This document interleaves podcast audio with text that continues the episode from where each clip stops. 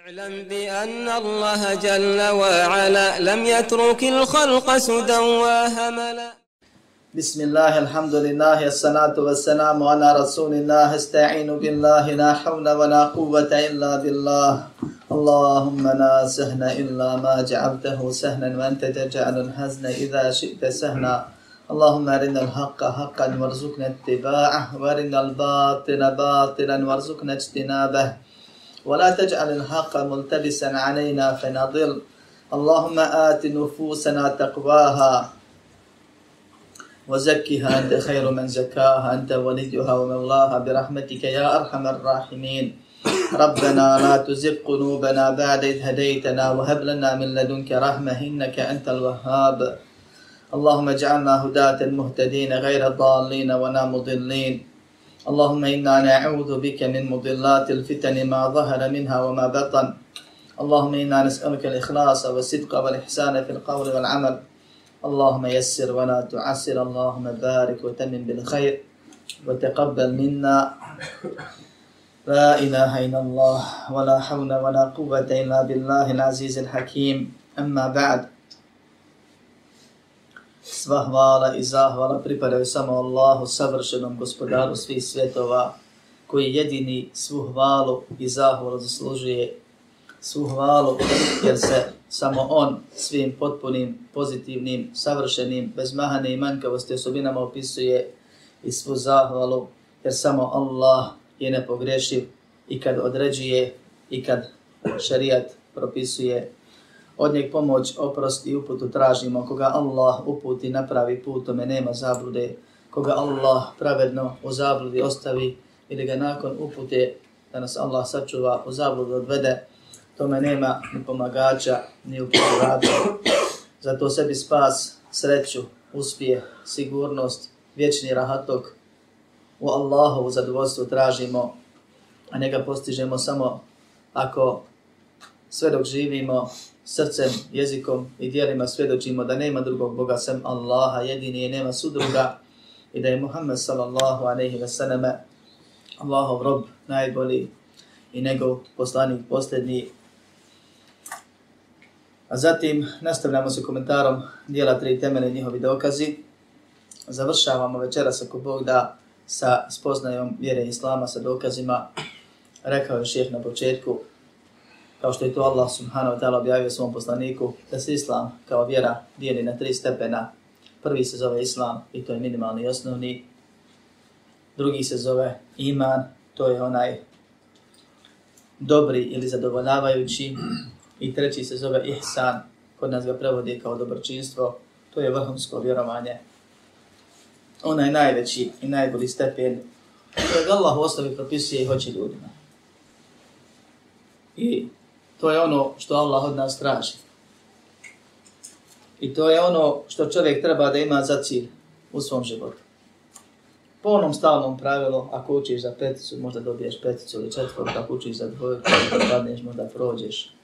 Pa je bitno da imamo vrhunski cilj, koliko Allah da dostignut ćemo, ali sigurno ćemo raditi više nego ako imamo nekakav nizak cilj, niske ambicije i tako dalje. Zato Allah subhanahu wa ta'ala kaže za sebe da je on onaj الذي خلق الموت والحياة ليبلوكم أيكم أحسن عملا. Ima još ajta ovakvih na ovu temu.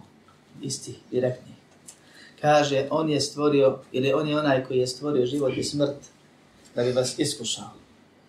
Ko će od vas ahsenu amala, lepše, ispravnije, bolje postupiti. Nije rekao više, nego kaže ko će od vas bolje činiti bolje raditi.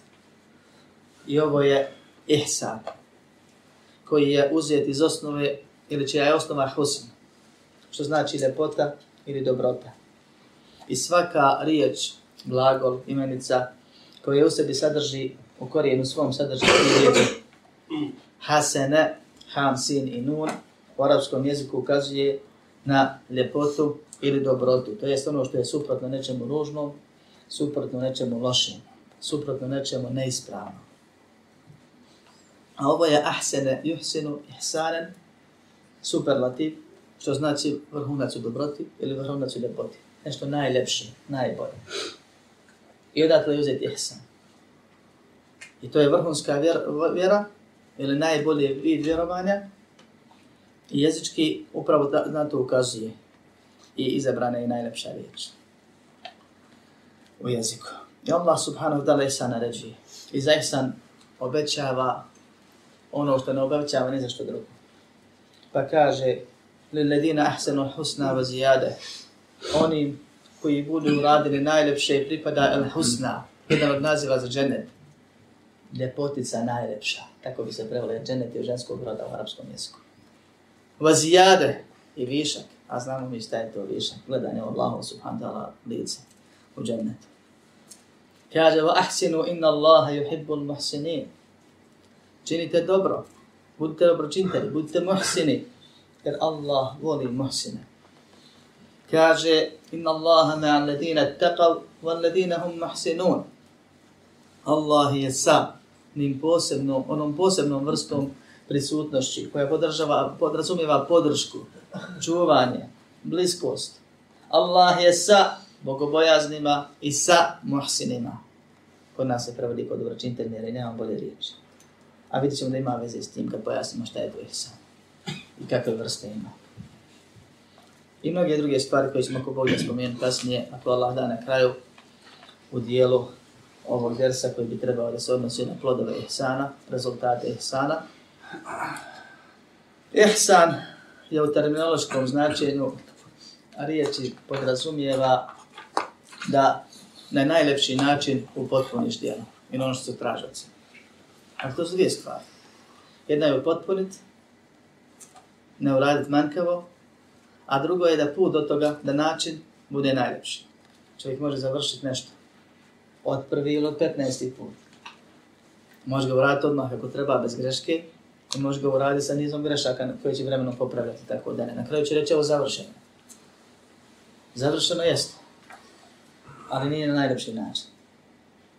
Pa kad radiš, da lijepo radiš i kad uradiš, da upotpuniš. To je ihsan. Čovjek kao Allahov rob ima obavezu da ispravno vjeruje i da ispravno po vjerovanju djeluje, to je s Allahu i badetom robuje i da se ispravno obhodi prema Allahu i stvarenjima. I nemamo treće obaveze. Četvrti, pardon. Sva vjera se svodi na to, na vjerovanje, robovanje i badet i ponašanje obhođenja. Nije sve ponašanje, ali odnos, davanje prava i ostale stvari koje to podrazumijeva. I mi imamo obaveze lijepog ponašanja sa Allahom subhanahu wa ta'ala po pitanju vjerovanja i robovanja, sa vjernicima svih vrsta po prioritetu, sa roditeljima, sa djecom i supružnicima, sa braćom i sestrama, sa radbinom, sa komšijama, sa ostalim muslimanima, sa nemuslimanima, sa hajvanima i sa prirodom. I sve to šredom regulisano i nije, nijedna od tih vrsta nema ista prava. Ili prema nijednoj od tih vrsta čovjek nema iste obaveze. I sve ono što je Allah uzvišeni propisao po pitanju bilo koga od ovih kategorija, ili bilo koje od ovih kategorija, Allah je to, sram Allah savršeni, Allah nepogrešeni, Allah uzvišeni, Allah mudri, je to propisao. I nema boljeg. Vjerovanje od islamskog vjerovanja koje je Allah objavio Muhammedu alaihi salatu wa salam svom poslaniku. I nema boljeg robovanja od robovanja koje je Allah propisao. I nema boljeg odnosa prema roditeljima od onoga što je Allah, čime je Allah vjernike obavezao. I prema porodici, i prema prijateljima, i prema rodbini, i prema ostalim muslimanima, i prema nemuslimanima, i prema hajvanima i ostalo ljudi. E to je Allah propisao. On ne griši. On nema manjhani. On nema manjkost. On sve zna. On je pravedan. I na, i na to još mudar. Pravednost je da svaku stvar staviš na svoje mjesto. A mudrost je da to radiš sa pozitivnim razlozima. Očekujući najpotpunije rezultate isto. I to je iznad pravednosti. I šta god nam je Allah dao od prava, i šta god nam je Allah dao od obaveza, ni bolje od toga ne postoji, niti ispod toga šta valja. To je najbolje. I Allah subhanahu wa ta'ala je al-muhsin. Njegovo ime je al-muhsin. Najpotpodniji dobročinite, najispravniji. Onaj koji je najljepši, koji je najljepši i najljepša postupa. Najljepši u svemu. Šta god odredi, to je ispravno, najispravniji. Šta god naredi, to je najbolji. Šta god zabrani, to je nešto najbolje. I nema ništa bolje od te zabrane za čovjeka. Čovjek treba da se smiri sa Allahom subhanahu wa ta'ala i da se trudi da postigne ovaj stepen, stepen ihsana. Tako da ihsan biva u ibadetu, prema onome što smo čuli, i biva u međuljudskim odnosima. I kada Allah kaže, budite dobročinitari, dakle dobro ibadet činite, nakon koji je propisan na najljepši način, i obhodite se, obhodite se prema stvorenjima svih kategorija na najljepši način. Šta je najljepši način? Ono što je Allah propisao. Ispuni obaveze, daj prava svakome, uradi tamo pozitivnije gdje je proporučeno, makar ne bilo naređeno, bit ćeš dobro činiti. Bit ćeš muhsin. I od muhsina, od el muhsina ćeš dobiti ihsa, el husna, nešto najljepše. Što oko nije vidjelo, uho nije čulo, niti srce može zamisliti samo u džennetu ima. A gledanje Allahovo lice i osjećaj i život u Allahovom vječnom zadovoljstvu je nešto što je veće od dženneta, izvan dženneta, izdan dženneta. Danas Allah počesti. I zato je vrhunac vjere ihsan. Najbolje vjerovanje, probovanje i ponašanje ili najbolje činjenje ibadeta i najbolje obhođenje prema stvorenju. U hadisu Džibrila je došlo vezano za ibadet i on je osnova, jer ko učvrsti, ustabili, upravi, ispravi, uspostavi vertikalu, to je odnos između sebe i gospodara, nužno je da je horizontala bude kako treba. Jer on će ime gospodara osaboriti kad treba i biti dobročinitelj i dijeliti, dati prednost onome kome treba i sve ostale stvari bojeći se da ne pokvari ona ispravan odnos. Ako me ibadeti budu vrhunski, ponašanje će mi biti sigurno vrhunski. A znajte da je nemoguće da ibadet bude vrhunski i da ponašanje bude vrhunski ako vrhunsko nije vjerovanje. Jer ono što je u srcu tjerate na ispravna dijela bilo prema gospodaru ili prema stvorenju. I najveći ihsan je naučiti spoznat, detaljisat učvrstit se, ubijedit se, istrenirat se na detaljima oko islamskog ispravnog vjerovanja. Onda, kad se insan odgoji, kao što je Allah subhanahu wa ta'ala 13 godina preko svog poslanika odgajao sahabe u Mekki, šta god mu kasnije kažeš od propisa novih, nikad nije čuo, on kaže samo čujem i pokoravam se. I to ne bude samo na jeziku, nego zaista ga vidiš da se on pokorava odjelama. jelama. da se radi o narednom zabranu pa svi, skoro svi islamski propisi su došli za onih deset godina. Nakon su se odgojeni kako treba da vjeruju u Allaha subhanahu wa ta'ala, nije im bilo teško da dodaju na propise ili da dodaju u svoj život sve one naredbe koje su došle vezane za namaz, pol, zekat, hač, trgovino, bračno pravo, borbu na Allahovom putu, vođenje države, sudstvo, šerijetske kazne i sve drugo što podrazumiva islamsko pravo. Također, im nije bilo teško da ostavljaju zabrane po pitanju bilo čega od ovoga. A da im je u početku, kao što kaže supruga poslanika Muhammeda samo sam, da im je u početku rečeno odmah ostaviti, rekli ne možemo biti ostaviti. Jer je trebalo da se učvrsti njihov odnos prema Allahu subhanahu wa ta'ala, da spoznaju Allaha, da znaju s kim se obhodi, ko, je, ko je taj koji im naređuje i šta može da im uradi ako prekrši, ko je taj koji im zabranije i šta će im biti ako prekrši šta im Allah obećava od nagrade. Koliko je to vrijedno u odnosu na ono što žrtvuju od prolaznog svijeta linjalka i tako dalje.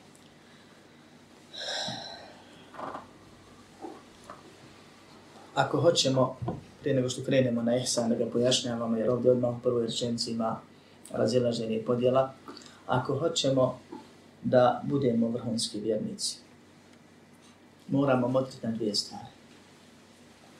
Prvo je ihsan ili vođenje brige da bude na najbolji mogući način uspostavljen nijet. briga o vrhunskom nijetu namjeri. Jer bez ispravnog nijeta, iskrenog nijeta, Allah ne prima svakako djela. I drugo, da taj nijet stalno bude prisutan, da se ne pretvori i badet u adet, da vremen ne zaboraviš, pa počneš na ljudi nešto da činiš. Da stalno budeš svjestan onih razloga koji, se nete, koji su te natjerali na, poč na početku da kreneš tim putem, putem ihsana. Da težiš tim putem. Da se treniraš, odgajaš ka tome. Da ustraješ na ihsan, da ne pokvara se, ne vratiš na ima, na islam, ne do Allah skroz islam. Ja čovjek kao što uđe u vjeru, tako može iz nje izaći. Postoje stvari koje te uvode u islam, i stvari koje te ostavljaju u islamu, održavaju u islamu, i stvari koje čovjeka da nas Allah sačuva mogu izvesti iz islama. Pa šta radiš, tu si. Tako isto iz imana, iz ihsana. Govorili smo da ove stepene čovjek može postići pa izgubiti. To nije nešto zabetonirano, da nema kraja. Nego budeš emlija, pa počneš da popuštaš, pa počneš da slabi osjećaj Allahovog nadzora nad tobom, pa počneš da padaš u gaflete, pa siđeš na stepen mu'mina, pa počneš da činiš manje, pa ustrajavaš na manjim grijesima, pa padneš u koji veliki, pa siđeš na stepen muslimana, pa ne do Allah se čovjek može ostati bez dina i bez imana, ako, ako stavi tako. Isto što je obrnutim redom napredovao ka gore. Prema tome, veoma je bitno da insan zna da vrhunski nijet je prva stepenica, jer razlika između Mosina, najboljeg pobožnjaka, najispravnijeg ibad, osobe koja ibadeti i munafika, licemjera, ono koje se radi ljudi pretvara je samo u nijetu. Nikad gledamo jedan drugi radi perfektne stvari. U našim očima vidiš čovjeka prvo da je sve uradio kako treba propisa, drugo vidiš na njemu na tijelu, na ovom da je skrušen, e sad je on to radi radi tebe, ili radi Allaha, to njegovo srce kazuje i to Allah ocjenjuje. I zato, ako se ti dijela vrhunska, ti možeš biti munafik, zato što ti nije, nije ispravo. I on je osnovno ovaj sam. A braće moje, opet ponavljam. Kao sam rekao da malo prije islamsko vjerovanje, sad idemo još stepenicu prije. Neće ti nijet biti ispravno. I neće ti vjerovanje biti ispravno. I neće ti djelovanje biti ispravno. I neće ti ponašanje, obhođenje stvorenja biti ispravno. Ako ne znaš, ako ne budeš učio, kako ćeš znat kako se nijeti, kako ćeš, kako ćeš ispravno zanijetiti, kako ćeš se sačuvati stvari koje krše nijet, koja kvare nijet, ako ne znaš šta je to. Ako ne znaš šta znači isprava nijet, ako ne znaš šta utiče na nijet. Kako ćeš ispravno i bariti ako ne znaš šta je ispravno. Tako ćeš biti skrušen ili prisutan srce ako ne znaš definiciju skrušenosti, šta je prisutnost, koja je razlika. Kako ćeš dati svakome pravo stvorenja ako ne znaš koja je prava i ne. Kako nećeš zakinuti njihov hak ako ne znaš šta je njihov hak. Kako će se zuloma spasti ako ne znaš šta im moraš ti dati. Osnova svega je znanje prije riječi i djela. Ko ne uči, taj ne zna, jer znanje usnovno ne dolazi kod muslimana. Ko ne uči, taj ne zna. Ko ne zna, taj ne zna zanijetit i taj ne zna vjerovat i taj ne zna i i taj ne zna ponašati se. I ovo je šarijatska matematika i logika. Ovdje nema ni izdan ni ispada. Molim Allaha subhanahu wa ta'ala da nas uputi na iskren nijet, da nam podari korisno znanje i ispravan ibadet i najljepše ponašanje. Kaže Al-Ihsan ruknu vahid. Nakon što je spomenuo da Islam ima pet ruknova ili stubova, rekli smo da bez dva ta stuba čovjek nema vjere, ako ostale prekrši, vjera mu je dobro narušena, zaslužuje džehennem, osim ako mu Allah oprosti, to su ispravno svjedočenje sa znanjem i ubjeđenjem i ostalim uvjetima, da nema drugog Boga sem Allah, to je da se ibadi čini samo Allahu, jer ga Allah zaslužuje zato što je savršeni gospodar, i da je Muhammed sallallahu alaihi ve sellem Allahov robi poslanik, da se poslanik ne diže na stepen Boga ni u kom segmentu, nego da se poslanik slijedi u obožavanju Boga i da se Allah ne obožava sam kako Resul pojašnjava i da obavlja namaz. Na čemu su bili stvođeni sahabi i tabijeni, kao se prenosi o čemu smo govorili ranije. Onaj koji ima vjerovanje u temeljenu šehadetu, iskreno Allah radi i koji ima osnovni stup, a to je namaz, taj je musliman. Ako prekrši post, zekat i hač, taj je jako loš musliman. Za razliku od islama, iman ima šest ruknova koji moraju svi biti prisutni u minimalnom, minimalnoj dozi, o čemu smo govorili prošli put. Da vjeruje u Allaha, njegove meleke, knjige, poslanike, sudnji dan i sudbinu. Prelazi šehi kaže al ihsanu, ihsan, vrhunska vjera, ili kod nas prevedeno kao dobročinstvo, dobročinstvo i bade, to dobro i bade činiš, dobročinstvo obhođeno da dobro se sturno obhodiš, a dobro je ono što Allah propisao i naredio i pohvalnim učinio. Kaže, ihsan je jedan ruk, jedan stup. A to je, pa onda uzima rečenicu iz hadisa Džibrilovog u muslimovom sahiju zabilježenog, en ta'bud Allaha ke enneke terah, fa in lam tekun terah, fa innahu jarah. Da Allah obožavaš kao da ga vidiš, jer ako ti ne, ga ne vidiš, on vidi tebe. Kaže, to je jedan ruk, jedan stup, da obožavaš Allaha kao da ga vidiš, jer ako ti njega ne vidiš, on tebe vidi. Kažu drugi uslamski učenjaci, ovo su dva stupa. I tu se onama razilazi. Svi su složeni da je ovo ihsan, o ibadet. Samo se razilaze da li je ovo jedna stvar ili su dvije. I govor mnogih učenjaka je direktan, a iz kod drugih se može indirektno raz, eh, ovaj, zaključiti da su ipak rekli da ihsan ima dva stepena. I da ovo nije ista, ista stvar. I da je ovo ogromna razlika među njima. I da je vrhunac vjere da Allah obožavaš kao da ti njega gledaš. Da Allah zamišljaš ne likom, jer se on ne može zamisliti likom, nego zamišljaš njegovu prisutnost i njegov nadzor. Kao da ti njega gledaš. I na tome je poslanik Alehi Salatu Veselam odgajao sahabe. I na tome se sahabe odgajali jedni druge i svoje porodice, i svoje robove, i svoju djecu. Kao što je prenosi. A drugi stepen je, ako ti njega ne vidiš, znaš da ne možeš vidjeti, ne možeš to da doživiš. I mnogi pripomisli na to zatrepere, srce nam, srce nam zatrepere i koža se naježe. I ne možeš jednostavno da to ostvariš što Allah daje kome hoće. Ne misli da ga zamisliš, Allah se ne može zamisliti.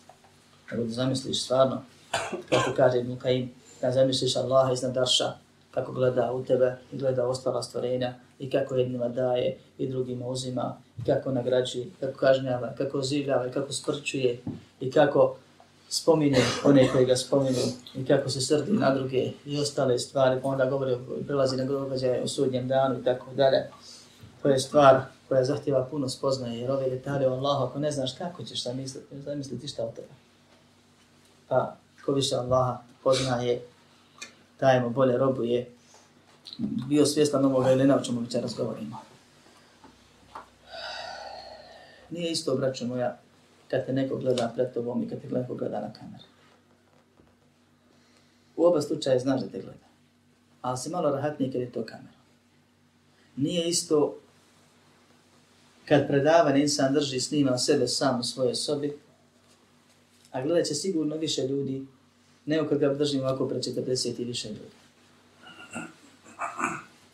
Drugi osjećaj. Zato što se tu što gledate u mene. I poznate vi ljudi. Iako jedno i drugo se gleda. I vi ste mi veći problem nego ova kamera.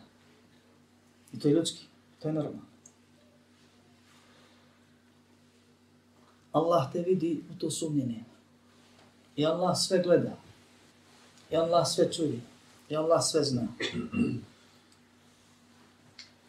Ali da ga zamisliš kako te gleda, da zamisliš je osjećaj da, on, da te on gleda, ne isto kao samo da znaš da te gleda. A gore od toga kad nisi svjestan te gleda, onda radiš druge stvari koje nisu redu. I fušeriš u I to su dvije različite stvari. I zato je poslanik Alehi Salatu Veselam u više situacija s Hadmo oporučivao, upućivao poruke, nekad naredbe, nekad preporuke, nekad oporuke. A oni su kasnije ostalima da obožavaju Allaha kao da ga vide. I tu bi se često zastavljao.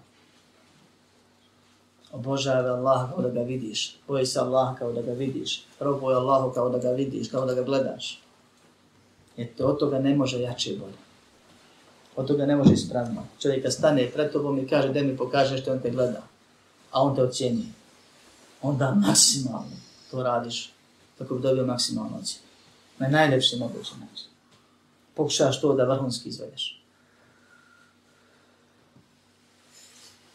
I primjera ovoga je koliko hoćete među selefom da je bilo. Jedna žena je odbila prosit Omera radijallahu anhu, Omer ibn al-Khattaba. Pa su joj se čudili, pitali što nećeš za Omera. Kaže, ne mogu za njega, jer njegov ahiret ga okupirao toliko od njegovog dunjaluka, kao da Allaha gleda pred sobom. Ona opisuje njega, znajući kakav je. Da se toliko brine i radi za ahiret u odnosu na dunjaluk, ili za postavlja dunjaluk, kao da stalno Allaha gleda pa ne smije da makne. A primjer Ibn Omara, njegovog sina je još čudniji. Spominje se da je Abdullah ibn Zubair zaprosio ili bio sa Ibn Omerom u Tavafu. A htio se njegovu da zaprosi. A radi se o dobrovnom Tavafu, a ne u hrame, jer ne bi bilo red. Nakon ibadet na fila. Tavaf je oko kabe. I kaže, odavno sam htio, tražio priliku i nađemo se oni u Tavafu i evo meni prilike. I upitam ga, pa me u potpunosti izignorisao. Ništa nije rekao. Pa sam pomislio da je htio pristoj. To je to. Čim je ovako otkačio, ne da. Kaže, pa smo završili to i svako svojim putem. Ja sam došao u Medinu, vratio se i zatek nije njega došao prije. I uđem u mesčid, jer je sunet poslanika Alehi da se sputa ide pravo u mesčid, na dva rekata, pa onda kući. Mi smo i taj I zato je sunet zakinuti, jer su nam džane zaključane. I pravo sve ćemo tražiti svim dana. Pa, sam došao, kaže, u mesčid i vidio Abdullah ibn Omera, pa je ustao, poselamio se, dočekao me, dobrodošlicom izrazio i nakon što smo se, što bi mi rekli, ispitali, kaže, kad si stigao, kaže, ima upravo sad. Pa nakon tog uvoda, kaže on meni, spominjao si Sevdu kćer Abdullaha u Tavafu, dok mi zamišljamo Allaha kao da ga gledamo. Zar nisi mogu naći neku drugu priliku da mi to kažeš? Da me tad ne bi uzoriš drugim rečima. Pa sam mu kaže, rekao, Allah tako odredi. Dok mi zamišljamo Allaha kao da ga pred svojim očima vidimo. Te Allah bejne ajunina. Tako se ibadeti vrhunski. I smeta mu što ga neko pita za dunjalog. Makar se ticala njegove čerke sa nekim za kog bi on rado dao. Za, za, za kog ga bi je rado dao. A dokaz to je ono što slijedi kasnije. Pa me pitao, kaže, šta sad misliš o tome? Rekao sam, sad sam zagrijaniji nego ranije. Pa je zvao dvojicu sinova i oženio njoj, kao sluhac. I vjenčao mi znam. Znači on bi je htio. I to nije mala stvar. Imaš dobru priliku da odaš kćerku, a to je samo po sebi seva veliki. I propustiš tu priliku bez riječi. Allaha radi. I smeta ti što te neko to upitao. Jer te prekinuo ono što je bitnije. U momentu kad to činiš kada Allaha obožavaš kao da ga vidiš. Kada Allaha obožavaš i to da on tebe u tom momentu gleda zamišljaš. I tako to činiš.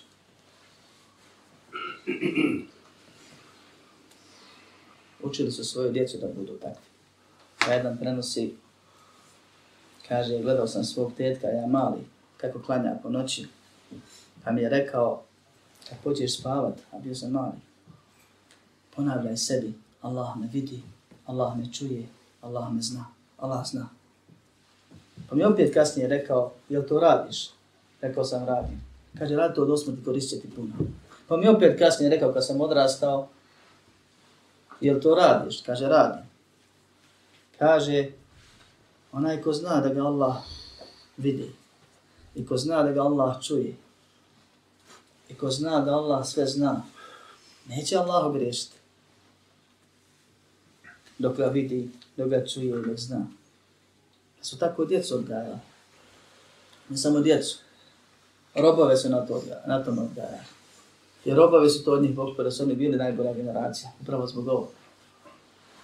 Pa kaže Ibn Omer, odno nas, nafija, pravo nosi od Ibn Omera, da su išli kroz pustinju, poznata priča. I sjeli da jedu i naišao pastir sa stadom, pa ga zvali za sofru. Pa ga pitali, pa je rekao postim. Pa se začudi, rekao, zapostiš sam ovako vrućom dan, pa rekao, iskorištava dane, prilike da ti slobodan. Dobro, oni post. Pa je Ibn Omer htio da ga iskuša i rekao, da nam prodaje tu ovcu, platit ćemo ti ovcu i opet ćeš se s nama pojesti. Da je sad okrenemo. Pa je rekao, ne mogu ti prodat, nije moja. Pa je rekao Ibn Omer, a gdje je gazda? Šta će gazda? Šta gazda te može reći ako mu kažeš pojao je vuk? Jedna ovca manje. A rob je rekao, a gdje je Allah?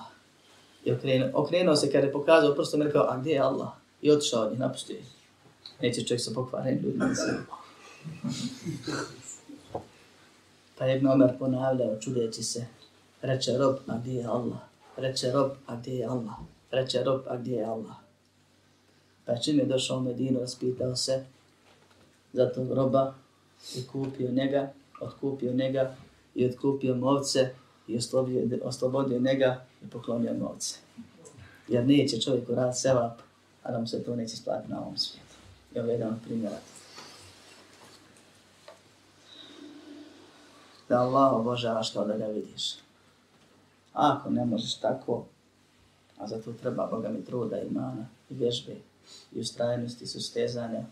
I ovo je tema o kojoj mi nismo dostojni da pričamo uopšte, jer da nije vjerske obaveze se prenosi znanje, ne bi potvaralo uopšte ovu temu. Nije za nas, ne možemo je zamisliti, doživjeti, pa i ne možemo ni vama sa srca na srce prenijeti. Kaže, ako ne možeš da ga vidiš, znaje da on tebe vidi. Onda budi svjestan njegovog znanja. Budi svjestan njegovog pogleda. Budi svjestan kad i da te on gleda pa to radi na najljepši način. Budi svjestan kad pođeš u haram, Dakle, on gleda pa to ostaje. Ne istvati se, pasovat ćeš. On najžešće kažnjava. I neće čovjek nijedan grih urad, a da mu neće doći belaj na ovom svijetu i kazna na ahiretu. Pa ako mu oprosti, Allah subhanahu wa ta'ala dobro je na ahiretu. Ako ne, onda je kazna tamo žešća. Ali već na ovom svijetu mi trpimo posljedice naših griha i tako to mora da bude jer Allah tako postavlja. I Allah se ne može umaći. I zato je osnova ihsana da znaš i svjestan budeš da Allah sve zna i da Allah sve vidi i da Allah sve čuje. I pored toga da je Allah svjedok svemu i da u sve istovremeno modri i gleda. Gleda mene kad ovo sad pričam i vas to što slušate i zna šta ja mislim i zna vaš šta mislite kad slušate. I sve ostalo do kraja i od početka. I on je sve moguće. Njemu to ništa nije ni teško, ni nemoguće. I onaj ko zna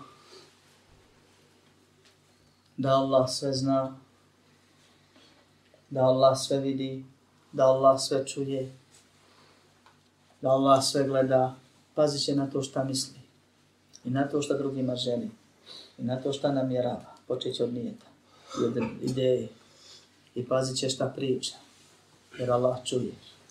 I pazit će šta i kako radi. Prvo šta je halal i haram i drugo kako radi naredbe koje su mu naređene, jer Allah sve vidi i sve gleda. I osnova ihsana je ovo, je ovaj temelj, ali hrunac u ihsanu je ono da vidiš ti ili da budeš kao da Allah, u Allaha gledaš. A ovo je osnova ihsana, osjećaj da te Allah promatra, onaj koji sve zna i koji sve čuje, da u tebe gleda. Pa ako ti njega ne vidiš, znaj da on tebe vidi. I paz, paziš šta radiš. I zato je osnova svih belaja gubljenje osjećaja da te Allah gleda. Nakon toga čovjek pada u gaflat, a iz gaflata pada u gaflat. Ne bi čovjek učinio grije kad i bareti. I kad je svjestan da ga Allah vidi. I zato su učenjaci priporučivali od ashaba pa na ovamo, kako se postiže ihsan, kažu, sa puno spominjanja Allaha subhanahu wa ta'ala. Jer ti kad ideš putem i zikriš, onda ti je lakše da lijepo misliš i da pogled obaraš i da se grijeha kloniš. Čim prestaneš da zikriješ, zikriš, baviš se nečim drugim. I onda iz toga proizilazi da pogriješiš. Na ovaj ili na onaj način. I zato sa puno spominjanja Allaha subhanahu wa ta'ala otvaraju se vrata želje za istinom, pa se povećava trud za znanjem, pa se nauči o Allahu više, pa se onda to opet vrati tebi na tvoje robovanje i na tvoje ponašanje. I onda ostane praksa, a ona je teža, spoznaje, ali praksa ti opet pomaže to što ti već u ibadetu, da se kloniš mošek, a neće čovjek uraditi nijedno dobro šarijasko, a da mu se neće vratiti dobro dunjaličko i da se neće na to nadovezati da otvoriti neko još dobro. Sevab za sobom vuče, sevab grije, za sobom vuče grije, gledaj gdje će šta prekinuti. Jer kad staneš jednom, vraćaš se ka drugom. Bilo dobro ili loše. I zato čovjek mora da se trudi da Allaha puno spominje. Pun, pun, kao što Allah kaže. Ja juha ledina amenu, udhkuru Allahe dikran kathira. Nauči propisane zikrove, jedan po jedan, sve ih uvedi, nema ih puno. I onda poslušaj poslani, poslaničke preporuke, poslanikove preporuke, sallallahu aleyhi ve sallame, po pitanju onih drugih zikrova gdje možeš projati i rekorde svoje nabijati. Pa si otvori ta vrata i kreni polako. Brojiš do sto pa ne brojiš više pa kad ti to bude malo, brojiš do 500, pa ne brojiš više. Pa kad ti to bude malo, brojiš do 1000, pa ne brojiš dalje. I da ne spominješ, a ne brojiš. I tako ti se polako otvarati. I onda se nećeš čuditi. Kad čuješ da je Buhorere govorio svakog dana, Subhanallah, po 12.000 puta, to mu nije bio jedini zikr. Jer ima ljudi koji to rade i dan danas. Ili je stavfirullah, po pet i više hiljada puta i tako dalje. A Beričetli je u dunjalu koji više hajra i više novca i više svega ima nego mi što štedimo na vremenu od zikra, od spominjanja Allaha subhanahu wa ta'ala, od učenja Kur'ana i od nekih drugih stvari. Ihsan biva u ibadetu, ihsan biva u međuljudskim odnosima. Vrhunac u ibadetu je da radiš ibadet kao da te Allah, kao da Allaha gledaš ili kao da te Allah gleda znači radiš ibadet iskreno, radiš ibadet ubijeđeno, radiš ibadet svo vrijeme svjesno da te Allah nadzire, pa onda to radiš potpuno. Pa dobiješ potpuno, potpuno izvršenje dijela na najlepši način, ona terminološka definicija je sana. Uradiš ga kako treba, a svo vrijeme si bio kako treba. Na najlepši način. Kad kažeš Allahu Akbar, Allahu Akbar, أشهد أن لا إله إلا الله أشهد أن محمدا رسول الله حي على الصلاة حي على الفلاح قد قامت الصلاة قد قامت الصلاة الله أكبر الله أكبر لا إله إلا الله još nisi počeo klanjati. A već si rekao Allah je najveći, Allah je najveći. Pa zamisliš sebe i svoje nasilje, i svoj grad, i svoj kanton, sve odzumiraš polako. I svoju državu koja je ništa na karti zemlje. I planetu koja je ništa na prvom nebu. I prvo, i drugo, i treće, i sedmo nebo. I arš. I sva ta stvorenja koja se ne mogu snimiti ničim. Samo ih Allahov pogled može obuhvatiti. I sjeti se da je Allah najveći. I da ti tom, tog Allaha ćeš sad ti dozvati da te gleda kad kažeš Allahu Akbar. Sad će se ono krenuti prema tebi i pazit ćeš što mu pričaš. Pa posvjedočiš da nema Boga sem Allaha da je on savršeni gospodar koji jedini ibadet zaslužuje, a ti hoćeš da mu ibadetiš. Da je Muhammed sallallahu alaihi sallam njegov poslanik, da moraš sad ibadet kako je poslanik alaihi sallam preporučio, ne po novotarijama. I da te Allah ta isti može nagraditi ili kazniti. A zove te hajde na namaz, hajde na spas. Da ti upravo ideš da se spasiš. Još kad i kametiš.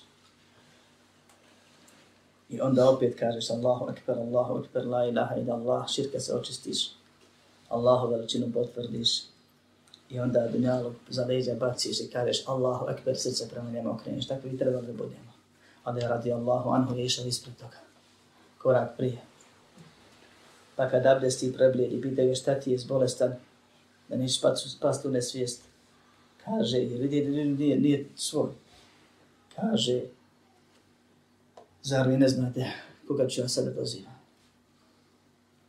A supruga poslanika, ali i sanatove veselam, opisuje ga i kaže, bio je tu s nama, s porodicom, pa kad bi proučio ezan, promijenio bi se nikog od nas ne poznao od čovjeka. Za ibadet. Pa onda počneš Allah, ekber.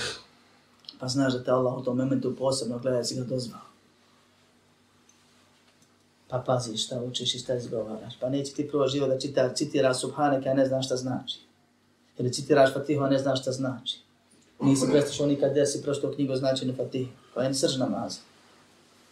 Kad odješ na ruku i kažeš Subhan, Rabbijan, Azim, savršen, bez mahani, moj gospodar koji sa mnom upravlja, Azim, ogromni.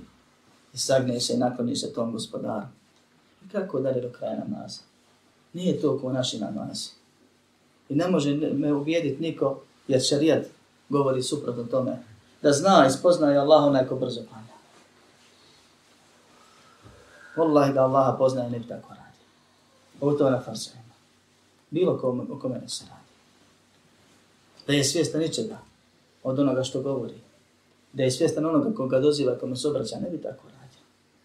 Ne bi u najvažnije stvari za koju poslanik alaihi salatu wasalam kaže Va'nemu enne hajra amalikum sana Znajte da je najbolje vaše dijelo namaz. Najbolje što možeš uraditi na ovom svijetu. Kad posvjedočiš islam primiš i u njeg povjeriš i da klanjaš i ti to najbolje ti fušeriš.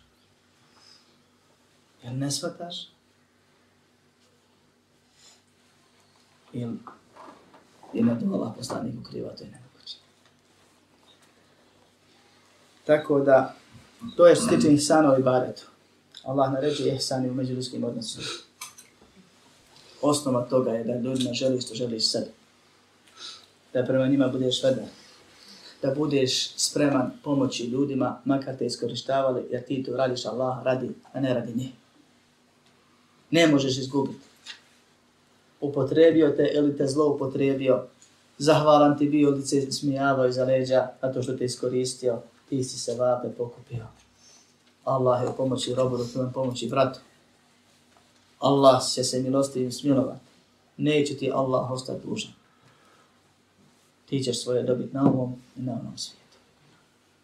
I zato se Allaha radi radi i dobročinitelj biva, a ne radi ljudi.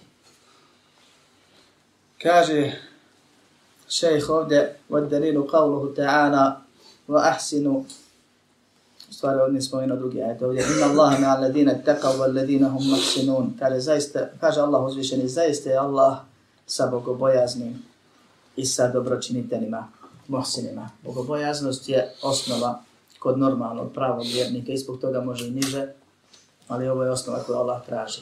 A to je da Allaha radi iskreno izvršavaš ili trudiš se da koliko god možeš izvršavaš sve što je naređeno i da ostavljaš sve što je zabranjeno. Znajući da nećeš moći biti bezgrešan, biti melek, ali da se trudiš. Ajde sami da to radiš na najbolji mogući način, još više. Allah je sa bogobojaznima, a posebno je sa mahsinima, sa onim koji to vrhunski rade. Kad je Allah s tobom, šta ti drugo treba?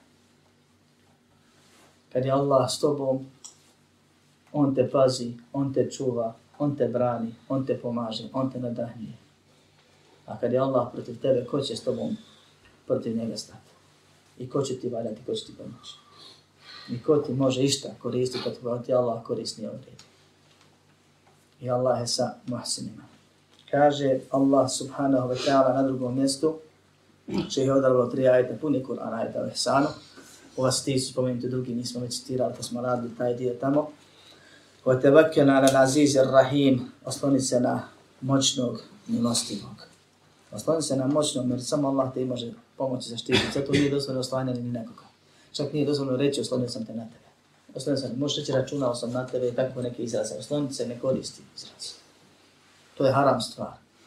Ja nema u oslanjanju malog širka u ovom smislu, ima neke druge stvari, ali ne možeš reći oslonio sam se na Allaha, zatim na tebe. Samo se na Allaha oslanja. Wa ala Allahi be tevakelim kuntum.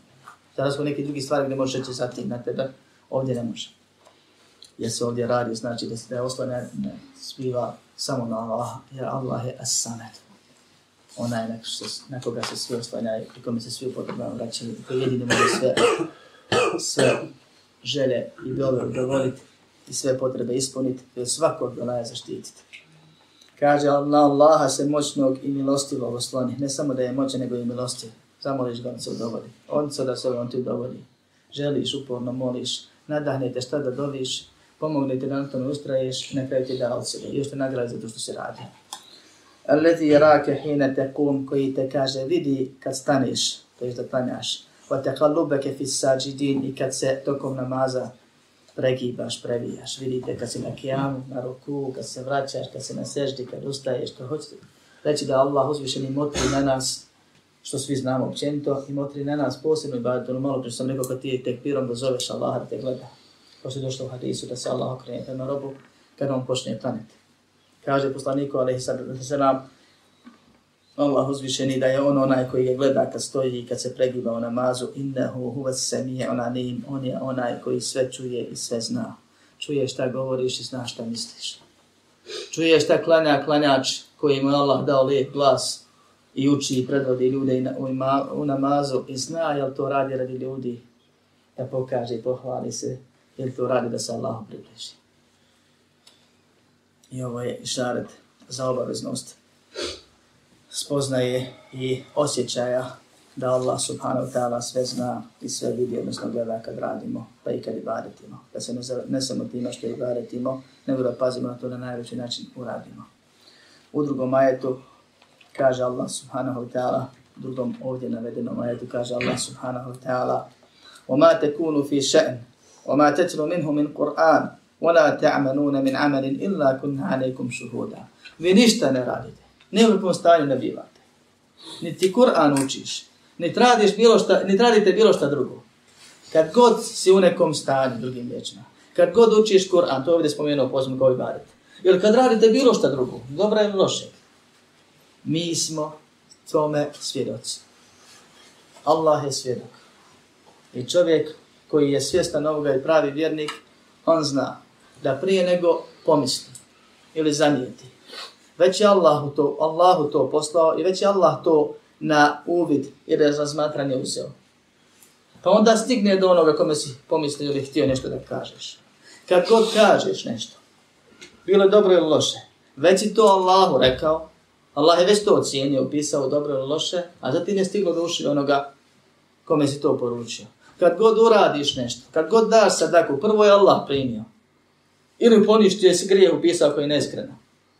A zatim je to stiglo do onog potrebnog. I bilo koje dobro djelo mi prvog Allahu pošaljemo. I bilo koji grije, prije nego što ga učinimo, prije dobro, prvo je Allahu stiglo. Djela se njemu diže, on zna. Ništa ne radite i nijakakvom stanju ne bivate. I ni Kur'an ne učiš nikad, a da, sam, a da ja tome kaže nisam svjedok. Allah uzviše ne govori. Kad je svjedok? Itu fi dune fi u momentu dok to radite. Kad, kad tome pristupate. Kad to činite. Allah subhanahu wa ta'ala istovremeno to motri i prima i prije Allah stigne nego onima koji imaju upućeno. Bez obzira o čemu se radi. Iako je Allah odredio da meleci to bileže, pa dva put sedmično dižu Allah subhanahu wa ta'ala knjige na uvid, Allah je to već na nije znao. I govorili smo o tome više puta. Ovo je ono što Allah dao da se progovori o Ihsanu. Poruka je inša Allah stigla. Molim Allah da nas uputi pomogne i popravi.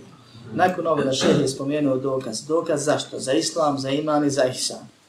Hadis poznat od Džibrila koji gudiš ima muslim u svom sahihu, kojeg znamo, svi smo čuli, u kome je Allahom poslaniku, alaihi salatu wa sallam, jedne prilike došao čovjek nepoznat, jako crne kose, jako bijele odjeće, nema na njemu tragova putovanja, ne zna ga niko, i pitao ga šta je to islam, pa mi je rekao da Allah, da svjedoči da nema Boga sam Allah, da je Muhammed alaihi sallam poslanik, da obavljaš namaz, postiš Ramazan, da je zekat i hađ obaviš, šta je to iman, pa mu je rekao da vjeruješ u Allaha, meleke knjige poslanike su dan dani odredbu, šta je to ihsan, da obožavaš Allaha kada ga vidiš, ako ga ti ne vidiš, on tebe vidi, šta je to, onda ga je pitao sudnjem danu i preznacima i onome što je poznato u ovom hadisu, Neću komentarisati ovaj hadis iz prostog razloga, zato što zadnjih šest predavanja najmanje je bio komentar ovog hadisa ono što je še htio da to kaže. Na kraju samo spomenuo kao dokaz, jer ovo su tri temena s dokazima.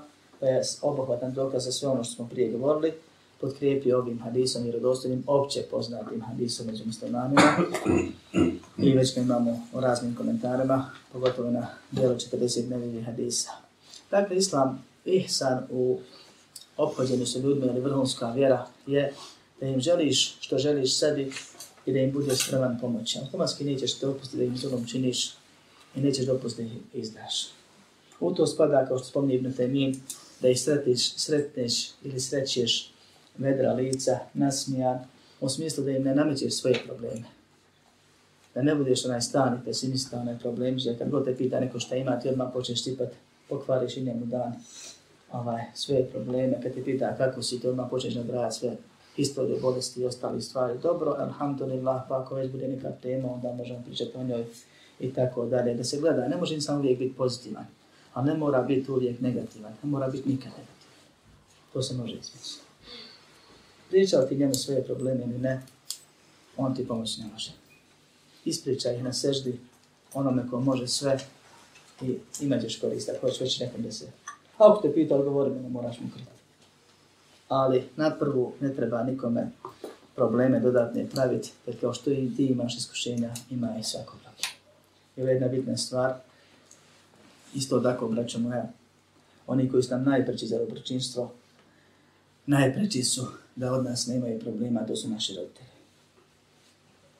Naši roditelji ne moraju znati da imamo ikakav problem u životu. Naši roditeljima se ne moramo s njima savjetovati o našim problemima. Ne moraju za njega znati. Sevap je to od njih sakriti. Allah ti jedini može probleme riješiti. Savjetovati da mogu oni ili neko drugi pogotovo za stručne stvari, sedi stručnim licima. A nisu babo i majka da sve stručne. Babo i majka, pogotovo majka. Kad čuju za problem, ti si već to napravi. Sigurno si ih rasužio. Sigurno si im otežao.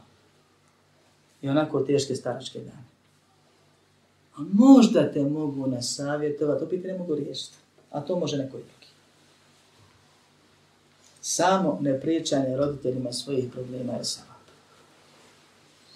i pokušati olakšati roditeljima njihove probleme još veći seba. I pomoć roditeljima i obradovati ih na, na, na bilo koji način je seba. I ako hoćeš rješenje svojih problema, trenutnih koji te muče, obraduj puno ili nekoga skroz potrebnoga, ili uvijek možeš svog roditelja i otići negdje u čošak na sečdu i reci gospodaru moj, kao što si me pomagao da obradujem tog i tog, obraduj ti mene rješenjem tog i tog problema i vidjet ćeš ako Bog da, da se problem rješava puno lakše, puno brže nego što zamisliti možeš.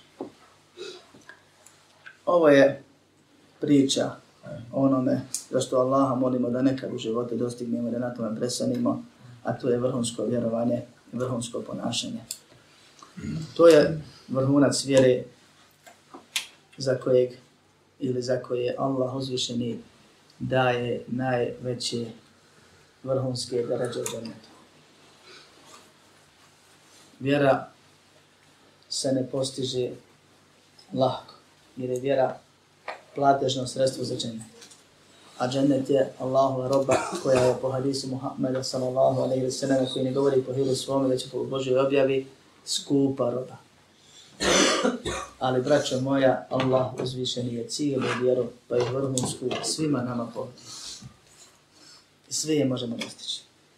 I svako od nas u svojim životnim uvjetima i situacijama može biti vrhunski musliman ako krene tim putem i strpljivo gradi svoju vjeru ciglu po ciglu i sve štiti i izbjegava ono što je ruši. I polako ili ćemo biti dobročitelji ili ćemo umrijeti pokušavajući, ako tako zanijetiš, Allah ti neće dosta duže na ovom nanom svijetu. Pa molim Allah da nas pomogne. Amin. اعلم بأن الله جل وعلا لم يترك الخلق سدى وهملا